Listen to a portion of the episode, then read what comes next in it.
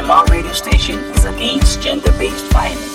This message is brought to you by MMR FM. MMRFM siyakukhanyisela vuka vuka vuka vuka vuka vuka nami ekuseni namhlanje. Ngumfundisi impela okuvusa ekuseni ngamasa sivuka nge-whatsapp message ethi namhlanje i dedicate this song to the single parents. It's been my mother's favorite since it came out. I think it brings much much more hope to the single parent. Namhlanje ngithanda ukuyi-hijacka futhi ngithi isihloko sethu senamhlanje sithi the love of God net khona lapho within this pandemic sithanda ukuthi le ngoma by reclaimed ministries ethi mhlobo wami sukhathazeka. Mhlobo wami ungawari. Wena usekhaya umlaleli we-mmr radio station ungugogo ngumkhulu umama noma ungusisi noma ngubhuti sithi namhlanje kuseni ungakhathazeki ipandemic izondlula ungakhathazeki. Uthando noma yes uthando likajehova uthando likankulunkulu liyabonakala irregardless ukuthi kunzima kangakanani ingoma ethi reclaimed ministries namhlanje sidedicatele kini nonke to the single parents to the married bogogo bomkhulu bosisi nabobhuti bomalume nabantu lesithi don't worry don't worry i love this song ngendlela isimanga by reclaimed ministries ithi don't worry Oh, my friend. Don't worry, don't worry, Tula, my friend. don't worry, don't worry, God will oh thula my friend worry, He will make a don't way. worry, don't worry, Don't worry, don't worry, don't don't worry, worry. don't worry, No. don't worry, don't worry. Hush, hush, Tula, my friend. You cry much more than you pray. Muchele, ujesu, and I know he'll be there for you. yes hey Hush, hush. don't worry my friend You cry much more than you pray. Muchele, ujesu, and I know he'll be there for you. Your struggles, your problems, your worries, your tears and pain, your fears, your questions, just leave it to the Lord in prayer. People come and people go. Even troubles won't last always. So put your trust in Jesus, and I know He will carry you through. I'm dancing, I'm singing, I'm shouting, cause I know, I know troubles don't last. No BP, no doubting, no worries, cause I know, I know troubles don't last. I'm happy, I'm flying, I'm growing, I'm living by faith. Am boasting in Jesus, and I know He will fight for me. Seasons change and times are not the same. Nothing is permanent. So put your trust in Jesus, and I know He will carry you through. I'm dancing, I'm singing, I'm shouting, cause I know, I know troubles don't last. No PP, no doubting, no worries, cause I know, I know troubles don't last. I'm happy, I'm flying, I'm growing, I'm living by faith. I am boasting in Jesus, and I know He will fight for me. I'm happy, I'm flying, I'm growing, I'm living by faith. I am boasting in Jesus, and I know He will fight for me. Amen. Amen to that. What a wonderful piece of music by Reclaimed Ministries. Oh, sithi Jehova anibusise. Ingoma ethi do not worry, do not worry mhlobo wami bhuti wami malume sisi gogo mkhulu baba mama don't worry, don't worry. I love this song.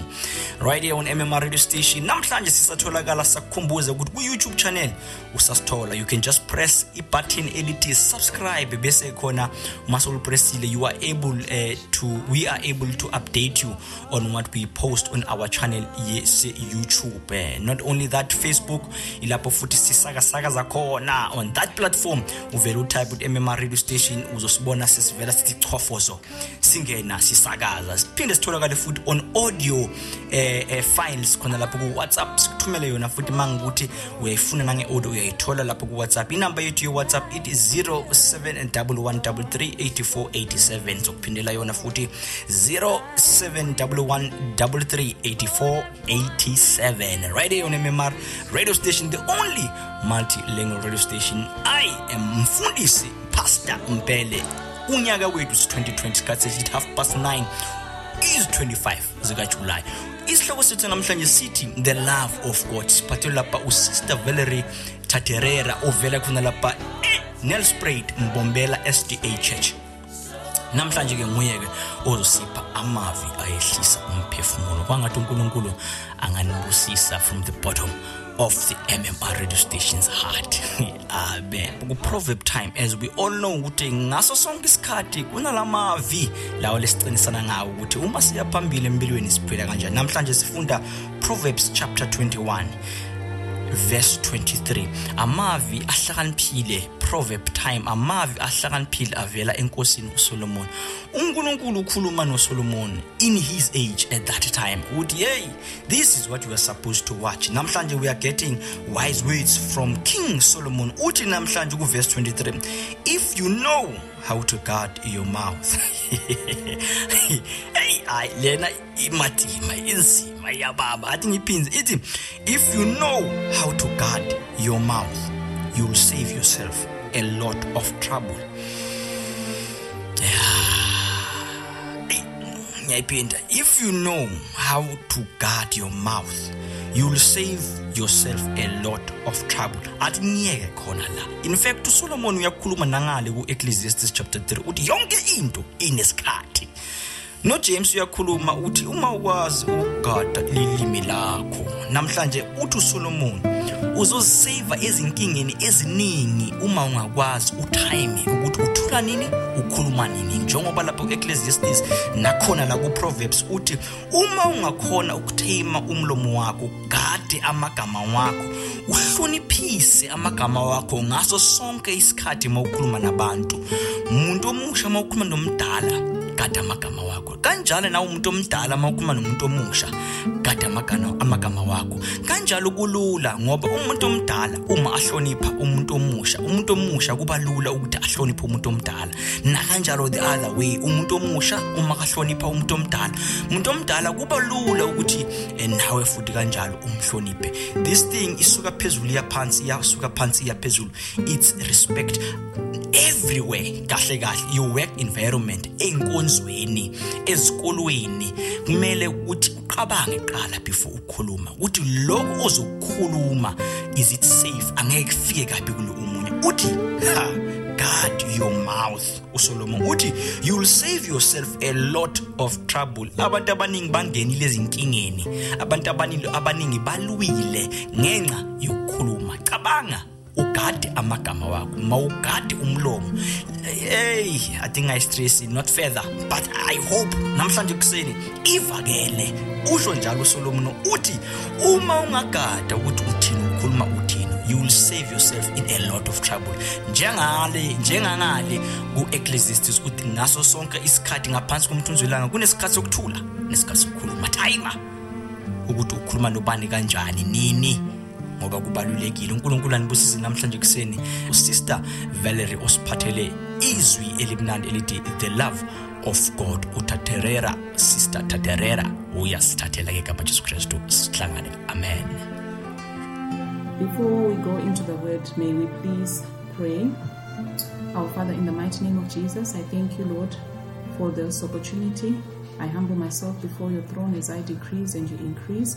May this word that is going to be spoken, O Lord, come from your throne through the Holy Spirit. We pray this in Jesus' name. Amen. Talking about love.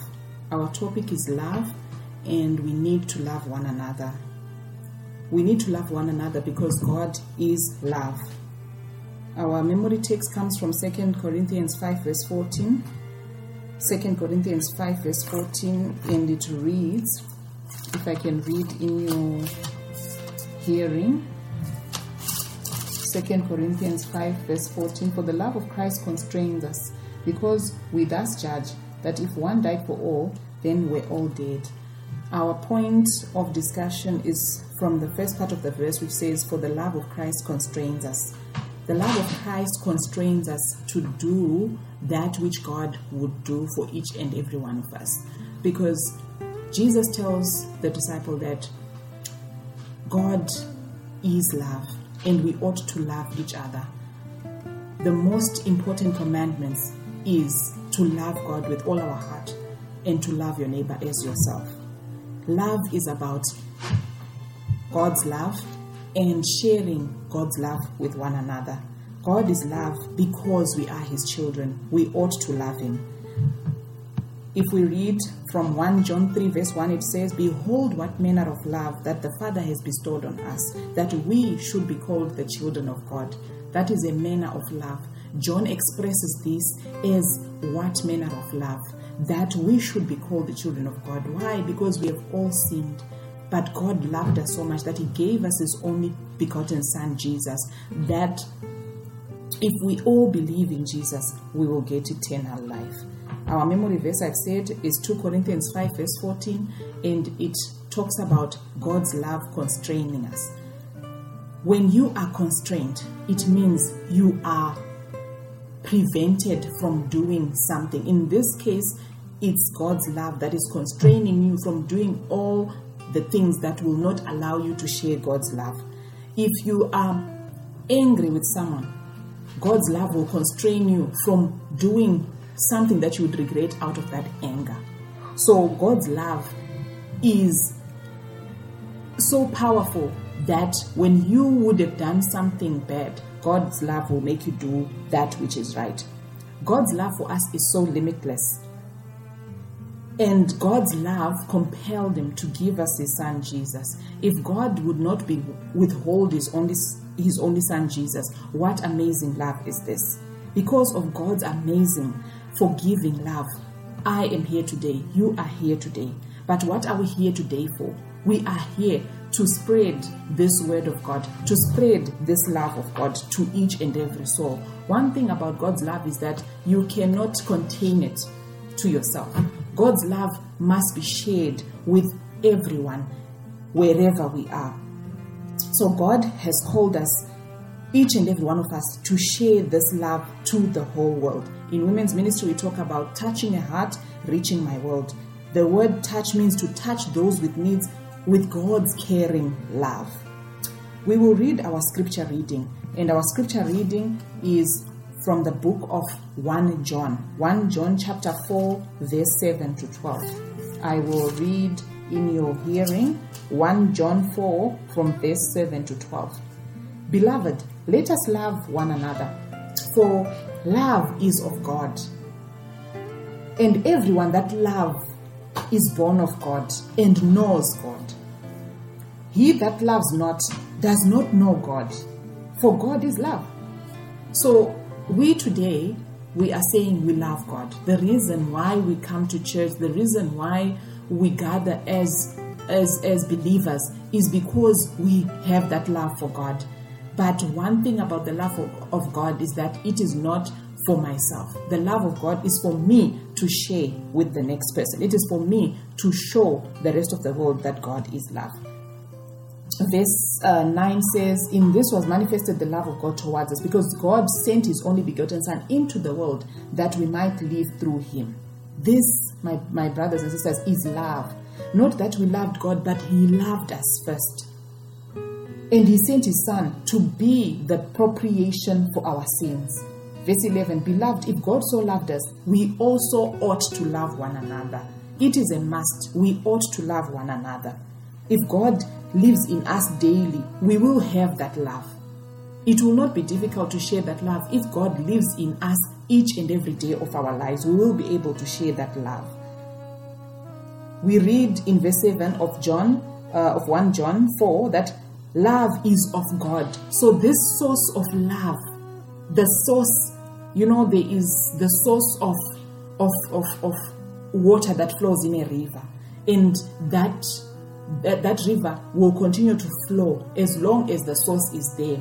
So, the same with us. We need to have God as our source of love. If God is our source of love, we will not have any problems in the church. We will not have any arguments that result in people not talking to each other in the church because we have God's love. And that source is overflowing, it does not uh, uh, run dry. God is the source of love. Any other love is not true love. We read in 1 Corinthians 13, 1 Corinthians chapter 13. 1 Corinthians chapter 13 ta- talks about the, the, the, the uniqueness of the gift of love. It talks about all other gifts that we may have, but it places focus on the characteristics of love.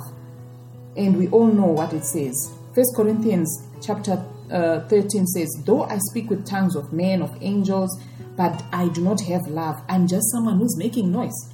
That's what he's basically saying. Even if I have the gift of prophecy, even if I bestow all my needs, my goods to the poor, remember that um, disciple that asked Jesus, What can I do to have eternal life? And Jesus tells him, um, you need to, to, to give to the poor, you need to do this. And the, the man says, I have kept all the commandments, I do all that. And Jesus says, You need to love God with all your heart, with all your mind, and with all your soul. You need to love your neighbor as yourself. So that is the greatest commandment. That is the greatest commandment. And if we do all these other things that we do without the true love of God, then we are just basically wasting our time. So we need to have the genuine love of God. And when you have the genuine love of God, self glory is the last thing that you will seek. It does not matter even if you are not recognized for what you have done because you have the love of God. Whatever you've done, you've done it out of the love of God.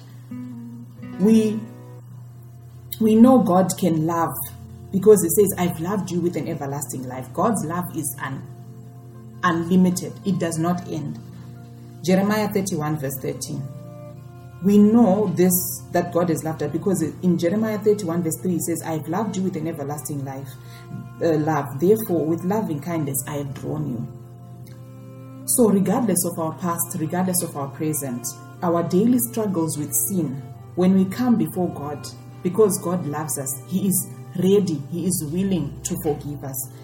So, we need to do the same to others who may have wronged us, we cannot hold on to grudges. We cannot hold on to things that have hurt us if we have God's love in us.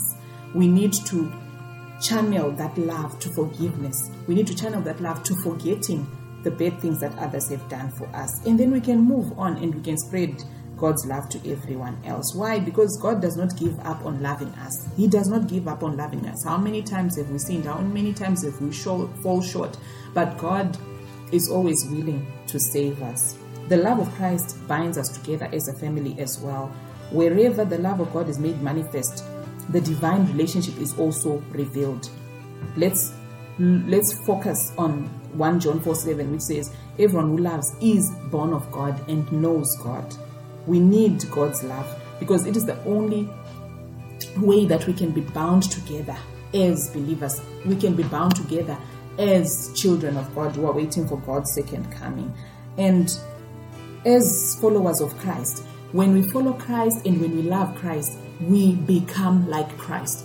By beholding, we become. The disciples of Jesus, when they were with Jesus, people saw them as the same. They could not even tell one from the other because they became like Christ. They all manifested the same character and the same behavior. So by being like Christ, we become like Him.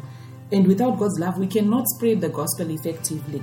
The disciples were in one accord when Jesus ascended to heaven. They were in the upper room. They prayed together. They shared together. They loved one another. And they were in one accord. And they were in unity. And the Holy Spirit came down and manifested their, their, their faith in a marvelous, in a mighty way because the Holy Spirit was able to do all the work. So we need to manifest this love to one another. We need to be in one accord in everything that we do. And when the Holy Spirit is poured upon us, we'll be able to do mighty and great things. As we go forward with reading the book of John, it is clear that if we do not love others, we do not truly know God. We do not truly know, we are having the form of godliness and denying the power thereof. That's what the Word of God says. And if we deny the power thereof, we are making it very difficult for others to also uh, uh, receive salvation. Salvation is not something that we should keep to ourselves. When we have found God, when we love God, we must share this love to everyone so that everyone can be saved. That is our mandate as followers of Christ. Our mandate is to spread the word of God to all nations so that people can become disciples of God. But how can people become disciples of God if we are not showing love for one another? So it all comes down to the fact that we need to love one another. And when this love is manifested in us, it will be easy for everyone else to follow this path that we are believing because it shows the love of God.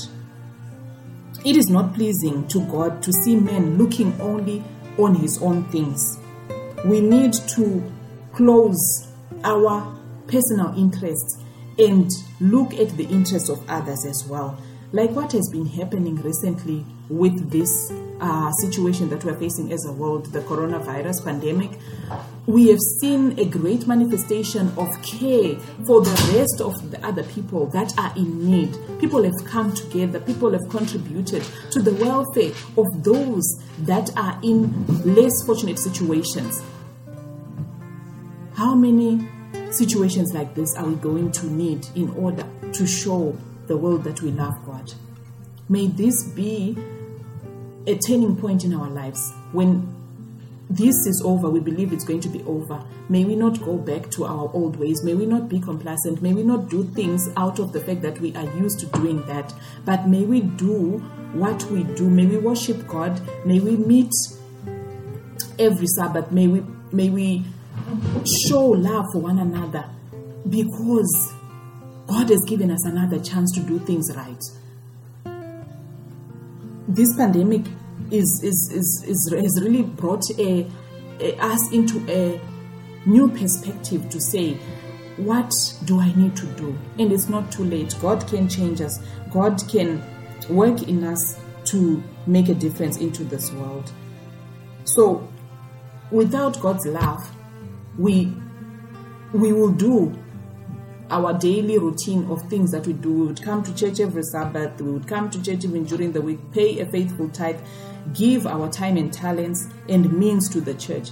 But if we do not have God's love in our life, then all this does not mean anything. And what does Jesus say in Matthew 7, verse 21?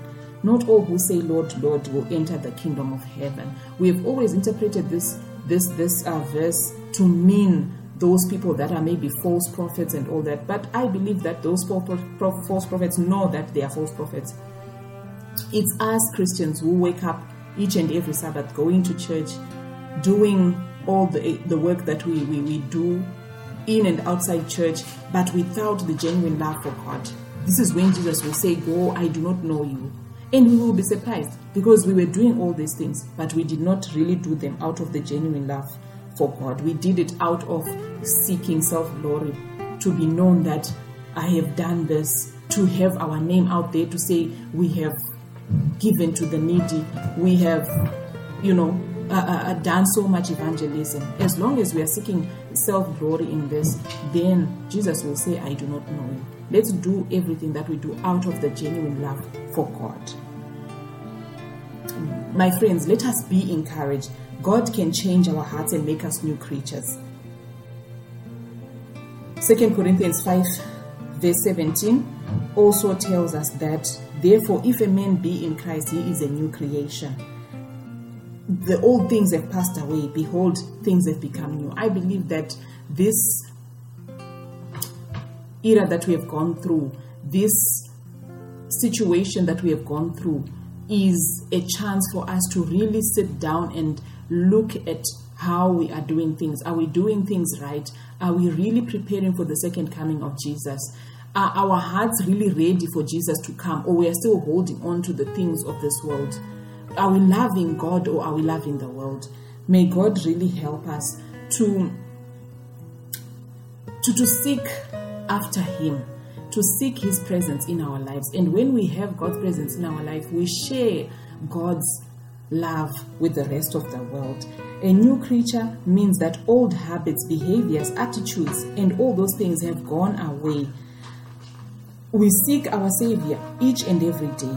And when we do that, we will see a change in the way we also treat others and in the way we also look at others. The old heart has been made new by God's love. And one thing about God's love is that we need to share God's love. We cannot keep God's love to ourselves. It is something so overwhelming. When you have God's love and you understand God's love, the next thing that you want to do is to tell the rest of the world who this God is. That is one amazing way that God's love transforms us. When we receive God's love, we need to pass this love to others. The love that God bestows on us affirms that we are loved.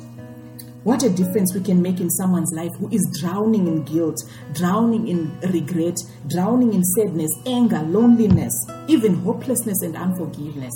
When we share to that person, to those people, the love of God and what God has done for us, we can really make a big impact in the world. We can really show the world that God really is God and that He is love because we all sinned and fall short of the glory of God, but God loved us so much that He gave us Jesus, and we are here today as children of God. Behold, what manner of love that God has given to us that we can be called the children of God. My, my brothers and sisters, may God help us to genuinely seek after His love. Let's not seek after our own our own recognition. When we do God's work, we do not need to be recognized. All glory needs to go to God. When we do the work of God in the church, when we do the work of God outside of the church, we need to do this to glorify God and not to seek our own praise or our own worth because only God is worthy. None of us, none of us are worthy. We are all here to show the world that even in whatever situation we are, God is still God and God can still see us through whatever storms we are going through in life. As we commemorate uh, Women's Ministries Day today in love, I would like to encourage all the women, all the ladies to, uh, to, to, to go into a season of seeking God through prayer for God to help us to love. Why? Because the woman is a very important aspect of the church. Remember, the Bible uh, uh, uh, represents the women as the church. So, women, we need to be women that are together in bringing the church together through God's love. We need to love one another. We need to care for each other as sisters, as mothers of the church. God has called each and every one of us to his salvation through Jesus Christ. He calls us to surrender our lives to God so he can so many lives can be saved. Remember, God love compels us. God love constrains us. We can be constrained from doing things that would not show God's love to other, but through God's love, we're able to express God's love. We're able to forgive one another. We are able to present to the world the wonderful love that God has bestowed upon each and every one of us. Yes, my sister, God calls us each and every day to receive His love. God is looking today for women who are fully surrendered to Him each and every day. God is looking for women who love Him and are willing to give their lives as a sacrifice to God. Women who do everything that they do out of genuine care and genuine concern for their for, for, for their families, for others, like what Tabitha, what Dorcas used to do. So we may not be sewing clothes with our own hands, but whatever we do today, may we do it out of real genuine. Because remember when Tabitha died, the community said they cried and they asked that Tabitha, you know, be raised from the dead. And she was because she made an impact in people's lives. Let's be women who are like that today. Let's not seek vainglory. Let's not seek vanity. Let's attend functions of women in order to be uplifted spiritually and to come back and make a difference in the church so that the church can be together in harmony, in one accord. And for sure, soon and very soon, Jesus will come. We need to study God's word. We need to be led by the Holy Spirit. We need to be women who are willing to serve others. I would like to thank God for such an opportunity as this to share the word of God as women, to present God in a way that God is love. And when we know God, we will have that love. We will be able to show this love to everyone. And one thing about God's love, it is not, you cannot bottle it, you cannot keep it to yourself. God's love is flourishing. It is something that you want to share with the rest of the world. Let's ask God to enter our hearts and to give us another opportunity to really show his love to the world and to live according to his love. May God forgive us for all the things that we have done which are bad. May God forgive us our sins, but may God make us new. May God give us a new heart. May God change us so that we can become new creatures through his love. And when we have God's love, we are able to show this love to everyone else. How amazing, how wonderful it is to know God. How wonderful it is to know that God loves us. And when we have this love, we are able to share this love to the rest of the world. Thank you. And may God bless us in hearing this word. And may we go further into searching this love of God. May God add a blessing to the reading of the word. And may God bless you and your families now and forevermore. In Jesus' name. Amen. Presented by Alex Crystal Sound Studio Production.